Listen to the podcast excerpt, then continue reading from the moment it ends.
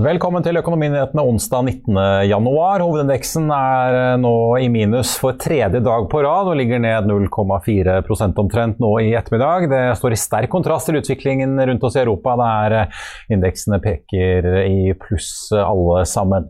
Wall Street eh, Futuresene peker også mot en positiv start på markedet der, på det som da blir den andre handelsdagen etter Martin Luther King Day. I dag får vi en gjest fra meglerbransjen som følger teknologi teknologisektoren tett og skal fortelle oss litt hva som rører seg der. Vi har jo sett at mange av de aksjene sliter, og vi skal også få teknisk analyse av Aker Carbon Capture. Vi får også ta en titt på oljeprisen, som er noe ned i dag.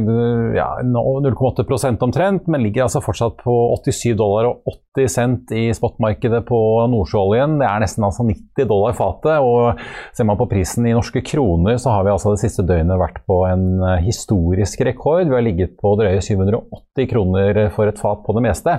Og Sammenligner vi tilbake med toppen i 2012 under oljeboomen oljeboomet den gangen, så lå vi altså på 700 og ja, drøye 720 kroner.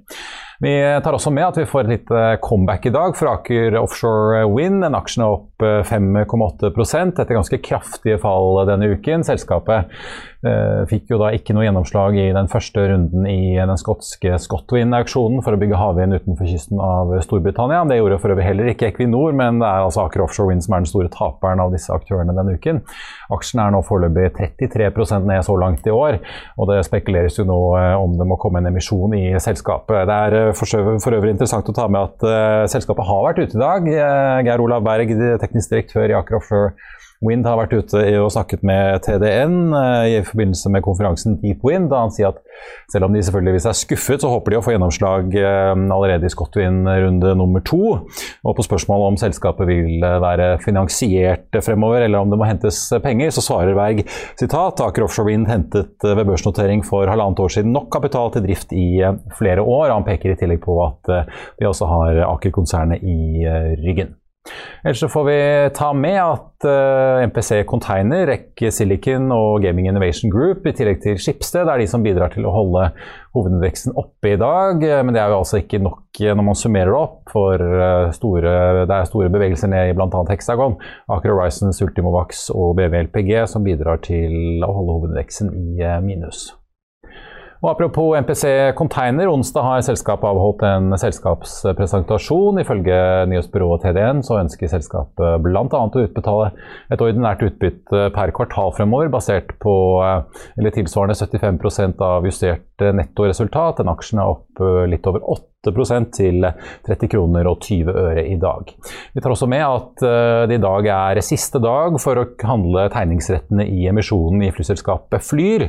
Fredag går fristen ut for å tegne seg til selve emisjonen. og Tegningskursen er jo på 0,95. Ser vi på tegningsrettene, så ligger de nå på 0,13 19 eh, kroner. Totalt er det altså 1 krone og 8 øre. Aksjen den er ned 1,4 i dag til 1,19, så en liten arbitrasjemulighet eh, på tampen av dagen der, altså.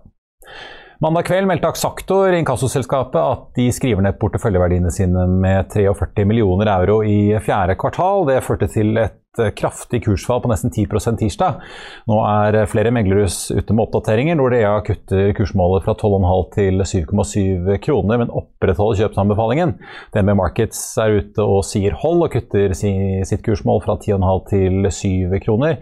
Aksaktor er eh, ned nye 2,5% i dag til ja, drøye 6 kroner og 40 øre. Ser man på utviklingen siden nyttår, så er den ned nå 15 vi tar også med litt eh, nyheter eh, fra det politiske miljøet. For eh, kompensasjonsordningen den skal avvikles etter 28.2. Det opplyser SVs Kari Elisabeth Kaski til 24. NOs viseadministrerende direktør Anniken Hauglie er ute og sier at de reagerer kraftig på nyheten. NTB melder at regjeringspartiene og SV er enige om strømstøtten, og de gjør ingen endringer etter forhandlingene. Det betyr at eh, strømkundene får dekket 55 eh, av kostnadene over 70 øre per kWt for desember, og 80% i januar, februar og eh, mars. Samtidig fortsetter regjeringspartiene å forhandle med SV på Stortinget for å gi mer støtte til sårbare grupper. Og NRK kan også melde at lønnsstøtteordningen styrkes i februar, som følge av at man da legger bort kompensasjonsordningen. Før vi kjører videre, så vil jeg bare minne om at hvis ikke du rekker å se denne sendingen, så kan du også høre den som podkast ved å søke opp Økonominyhetene på Spotify, Apple Podkast eller ved å gå inn på fa.no-podkast.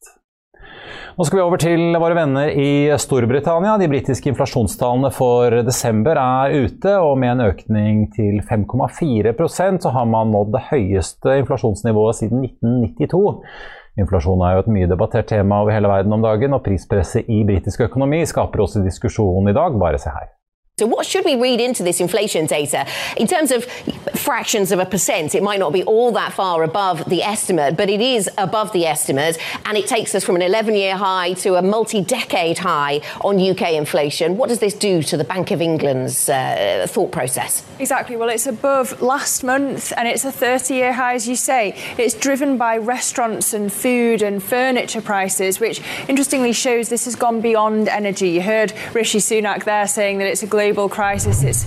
Uh, it starts with energy, but this has gone beyond that. So it really does increase the chance that the Bank of England goes for a back to back hike in February. And that'll be the first time we get that since 2004 in the UK. Mm. Good morning, Lizzie. How do yesterday's labour market data factor into this decision? Well, what we saw was that real wages were falling at the end of last year, and that's before this cost of living crunch even really peaks in April when you get energy bills going up, taxes going up. Bloomberg Economics saw uh, inflation peaking at 6.5% before this print came out today. So, what it shows is that even though you've got record vacancies and widespread, widespread shortages, that tightness in the labour market isn't translating into pay rises across the board. So, it does seem to vindicate the Bank of England's decision in December to prioritise inflation. And again, it strengthens the case for a February rate rise. You mentioned the cost of living there, Lizzie. Uh, there's been a lot of talk about that in the UK uh, because of some things that have happened when we see inflation here, but also some things that are yet to happen. Talk us through that. Yeah, so I mentioned the energy costs. The Resolution Foundation reckons that the number of households who can't afford their energy bills is going to rise, uh, will triple in April. And it's the poorest poorest households will suffer the most because even though everybody will have a 40 to 47% increase, it'll take a bigger chunk out of the poorest households' income. It's a fifth actually after housing costs, according to the Joseph Rowntree Foundation. And that's a problem because millions of households are already in debt. So lots of them are not going to be able to cope unless the government steps in with immediate government support, mm. according to those think tanks. Yeah, absolutely. And we'll wait to see if the government does decide to do something something about this. There have been conversations, of course, between the government and uh, and energy companies, but it will be an interesting political judgment. Do they decide to target it as those at those that are the most needy, or to give some kind of relief more generally? Det har også kommet inflasjonstall fra Tyskland i dag. De endte på 5,3% i desember. og Ser man da på hele 2021, så er man da på 3,1 Det er opp fra en halv prosent i 2020. Og inflasjonsnivået i desember er det høyeste siden 1993, så nesten like langt tilbake i historiebøkene som i Storbritannia. Da skal vi over til dagens gjest og snakke om teknologi. For er det én gruppe aksjer som har slitt den siste tiden, så er det nettopp disse teknologiaksjene. Men er det en korreksjon på gang, eller bare mindre krusninger? Og er det noen som kanskje har falt litt ufortjent mye? Med meg har jeg fått besøk av en analytiker som dekker veldig mange av de store og mest omtalte teknologiaksjene på Oslo Børs. Velkommen til oss, Øystein Elton Loddgaard i ABG. Tusen takk for det. Eh, kanskje jeg skal begynne litt overordnet å spørre deg. Hvordan vurderer du selv eh, det som eh, skjer nå? Jeg satte meg ned i dag og liksom så litt på utviklingen nå siden nyttår. Teknologiindeksen på Oslo Børs ned 11 ja, Det er jo knapt gått tre uker inn i det nye året. Mens hovedindeksen er opp en halv prosent. Og så ser vi jo i USA på Nasdaq, eh, der er det ikke like mye ned, men fortsatt ned altså 7,3% hva, er det, hva er det som skjer? Det er vel drevet av de høyere rentene. Det nå er ikke jeg noen makroøkonom, så jeg skal ikke spå på en måte hva som skjer, men det er jo tydelig at når, hvis sentralbankene skal, skal sette opp rentene, så får det en stor effekt på, på vekstaksjer som handler på høye multipler. Ja. Er, eh, men sånn, hvis du sammenligner din, den sektoren du følger sammenlignet med andre vekstnæringer, eh, opplever du at den treffes ganske likt, eller er det forskjeller? Vil, altså, hvis du tenker på tech-sektoren, så har du noen store etablerte selskaper. SAP, Microsoft, Texas Instruments. De er ned, men de er ned mellom 3 og 10 year to date. Og så er det de selskapene som har veldig høy vekst, som er mye ned. De kan jo være ned så mye som 25-30 year to date. Og inntjeningen ligger lenger ut i fremtiden, rett og slett? Ja, selskap med høy vekst hvor inntjening ligger langt framme i tid. Eh, og Det er jo det samme som vi ser på en måte i kanskje andre sektorer men også hvor det er høy, høyvekstaksjer. Vi ser det samme for de. Er det noen andre drivere enn en rente- og inflasjonsdiskusjonen som du ser fører til dette kurspresset? Jeg tror det har kanskje vært den viktigste driveren hittil i år, eh, disse to ukene vi har hatt nå. Mens si, disse aksjene falt jo også mye gjennom fjoråret. Eh, og Da var det nok en kombinasjon. Det ene er høyere renter, og så var det eh, noen selskaper som ikke leverte helt på de ambisjonene de hadde, eller forventningene til analytikerne. Så i fjor så tror jeg det var en mer sånn todelt nedgang. Men, vil du kalle det en teknologikorreksjon, eller er det Det er vel kanskje mer en korreksjon for vekstaksjer generelt, det vi, det vi ser nå. Ja. Ja. Men teknologisektoren har selvfølgelig mange selskaper med, med, høy vekst, og som dermed blir truffet av dette også. Ja, Vi har jo snakket mye om eh, Kahoot og Meltwater og Link Mobility og flere av de. Men er det noe sånn generelle, før vi liksom går inn på det, de enkelte, er det noen sånn generelle trekk du ser i tech-sektoren på Oslo Børs nå? Ja, altså du kan jo si eh, Veldig mange av disse selskapene kommer på børs enten i 2020 eller starten av 2021 eh, og, og, hentet mye penger, mye kapital, for å vokse. Eh, så har man gått inn i en vekstfase hvor da naturlig, eh, når man ansetter masse nye utviklere, masse nye selgere, så, så faller marginene. Så de kom jo på børs, eh, så hadde de en margin It's that time of the year. Your vacation is coming up. You can already hear the beach waves, feel the warm breeze, relax and think about work. You really, really want it all to work out while you're away. Monday.com gives you and the team that peace of mind. When all work is on one platform and everyone's in sync, things just flow wherever you are. Tap the banner to go to Monday.com.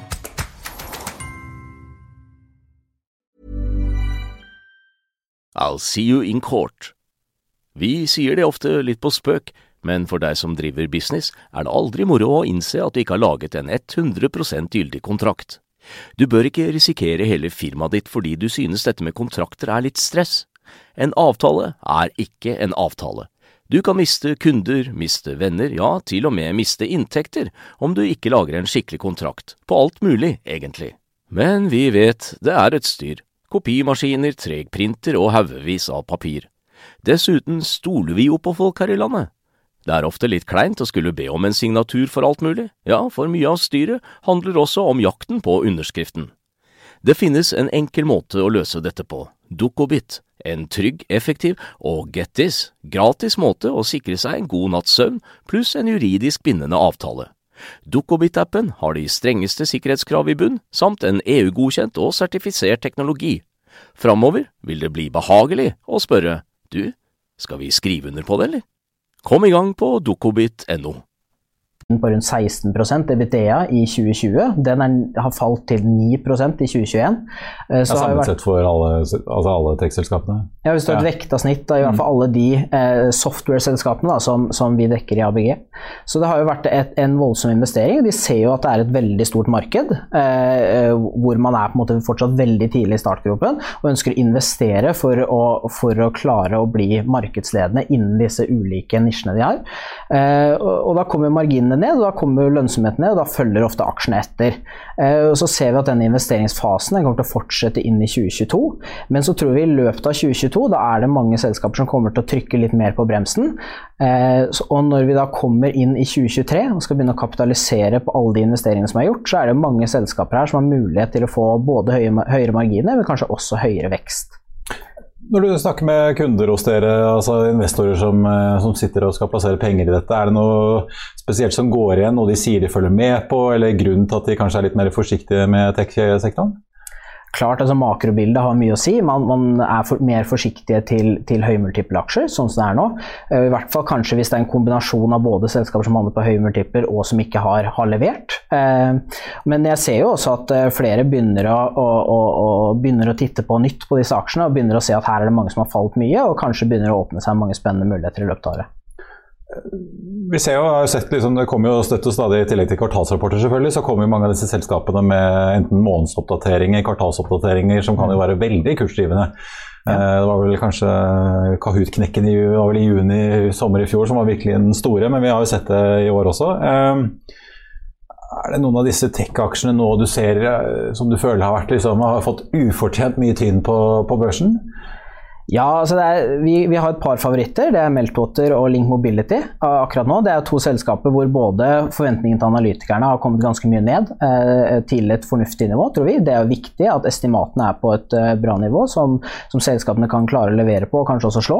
Og så har også multiplene kommet mye ned. Så det tror vi er to caser hvor Eh, aksjene har kommet ned til fornuftig nivå, og vi tror det også kan være et tegn til bedring i enten marginer eller vekst eh, allerede nå i inneværende år, som kan være viktige triggere for de aksjene. Ja, for det har jo vært, eh, Jeg så Philip Sissener var ute og langet ut mot eh, Link Mobility, mente de ikke klarte å tjene noe penger. Eh, hva ser du i selskapet?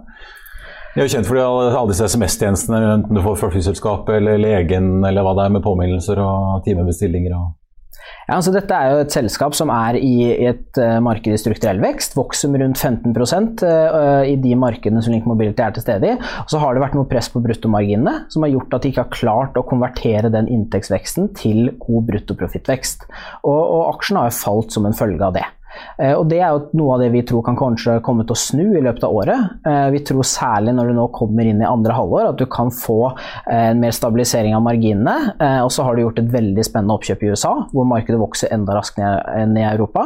Så da tror vi at det selskapet skal returnere til veldig god vekst, og at det er et bra case nå for 2022. Ja, for de har holdt på i Europa, men beveger seg inn i Nord-Amerika. Det er liksom et litt nytt kapittel for dem, egentlig? da?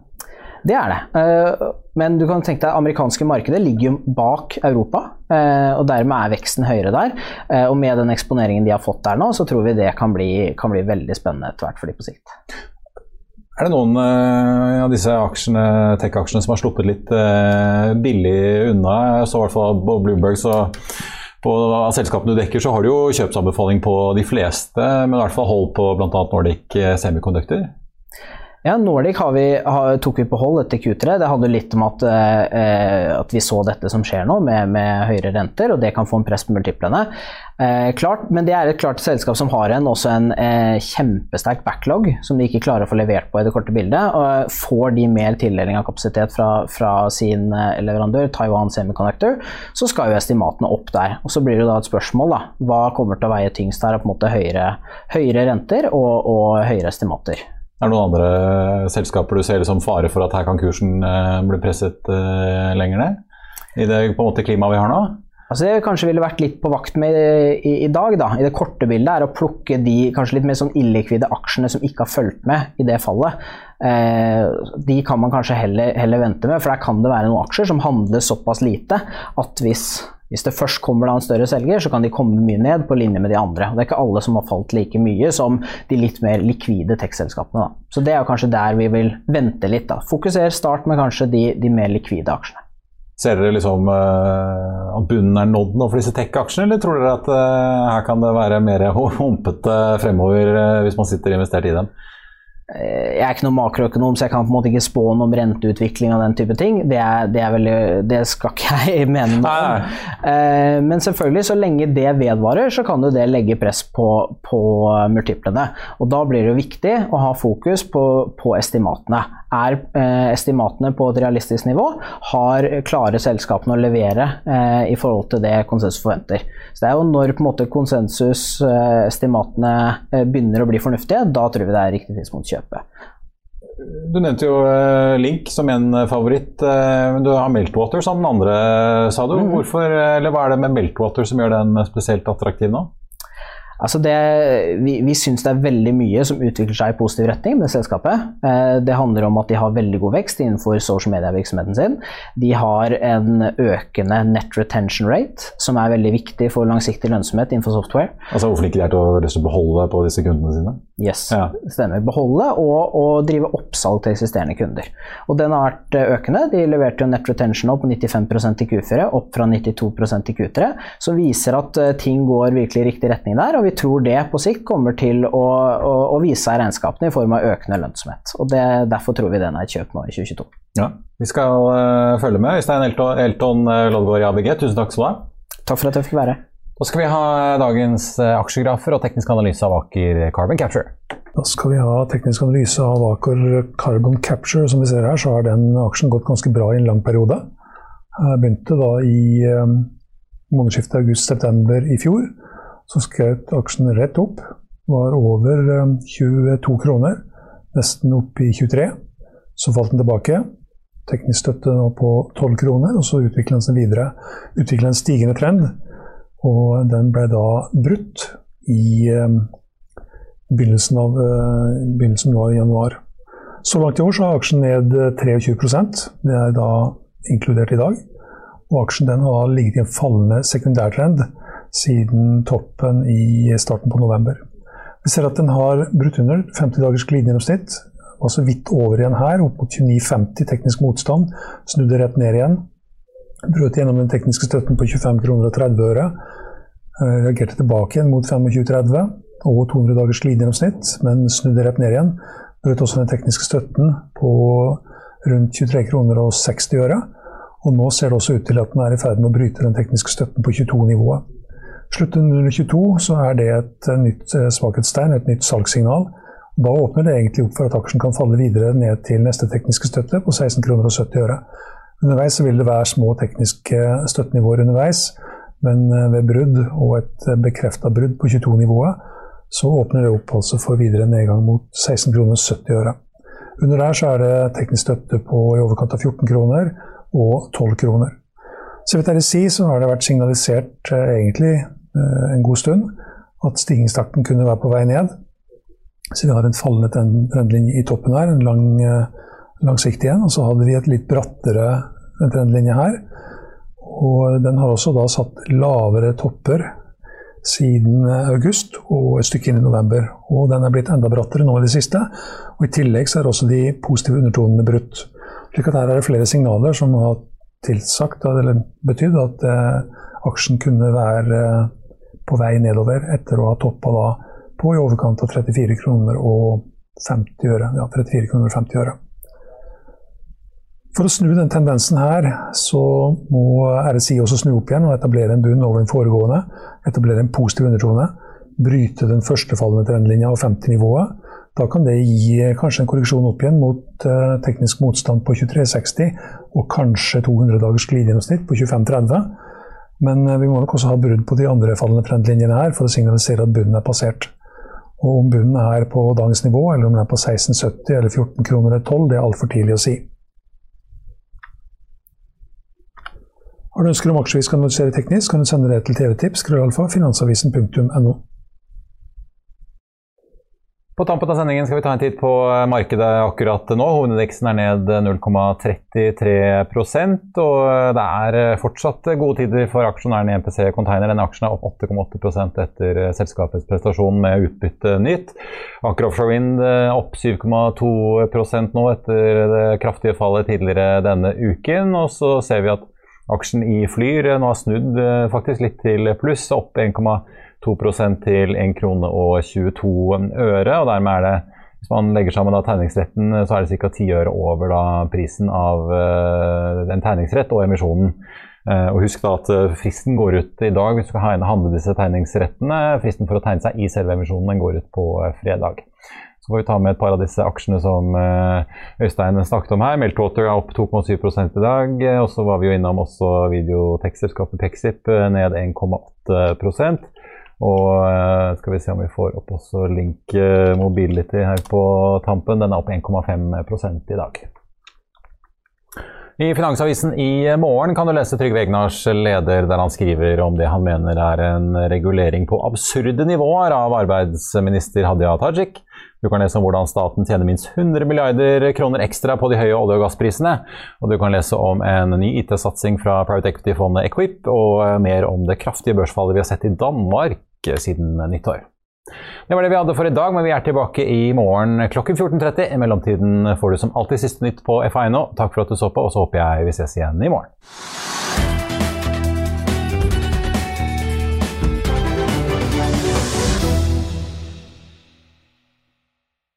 Økonominyhetene er en podkast fra Finansavisen. Programledere er Marius Lorentzen, Stein Ove Haugen og Benedikte Storm Bamvik. Produsenter er Lars Brenden Skram og Bashar Johar. Og ansvarlig redaktør er Trygve Hegnar.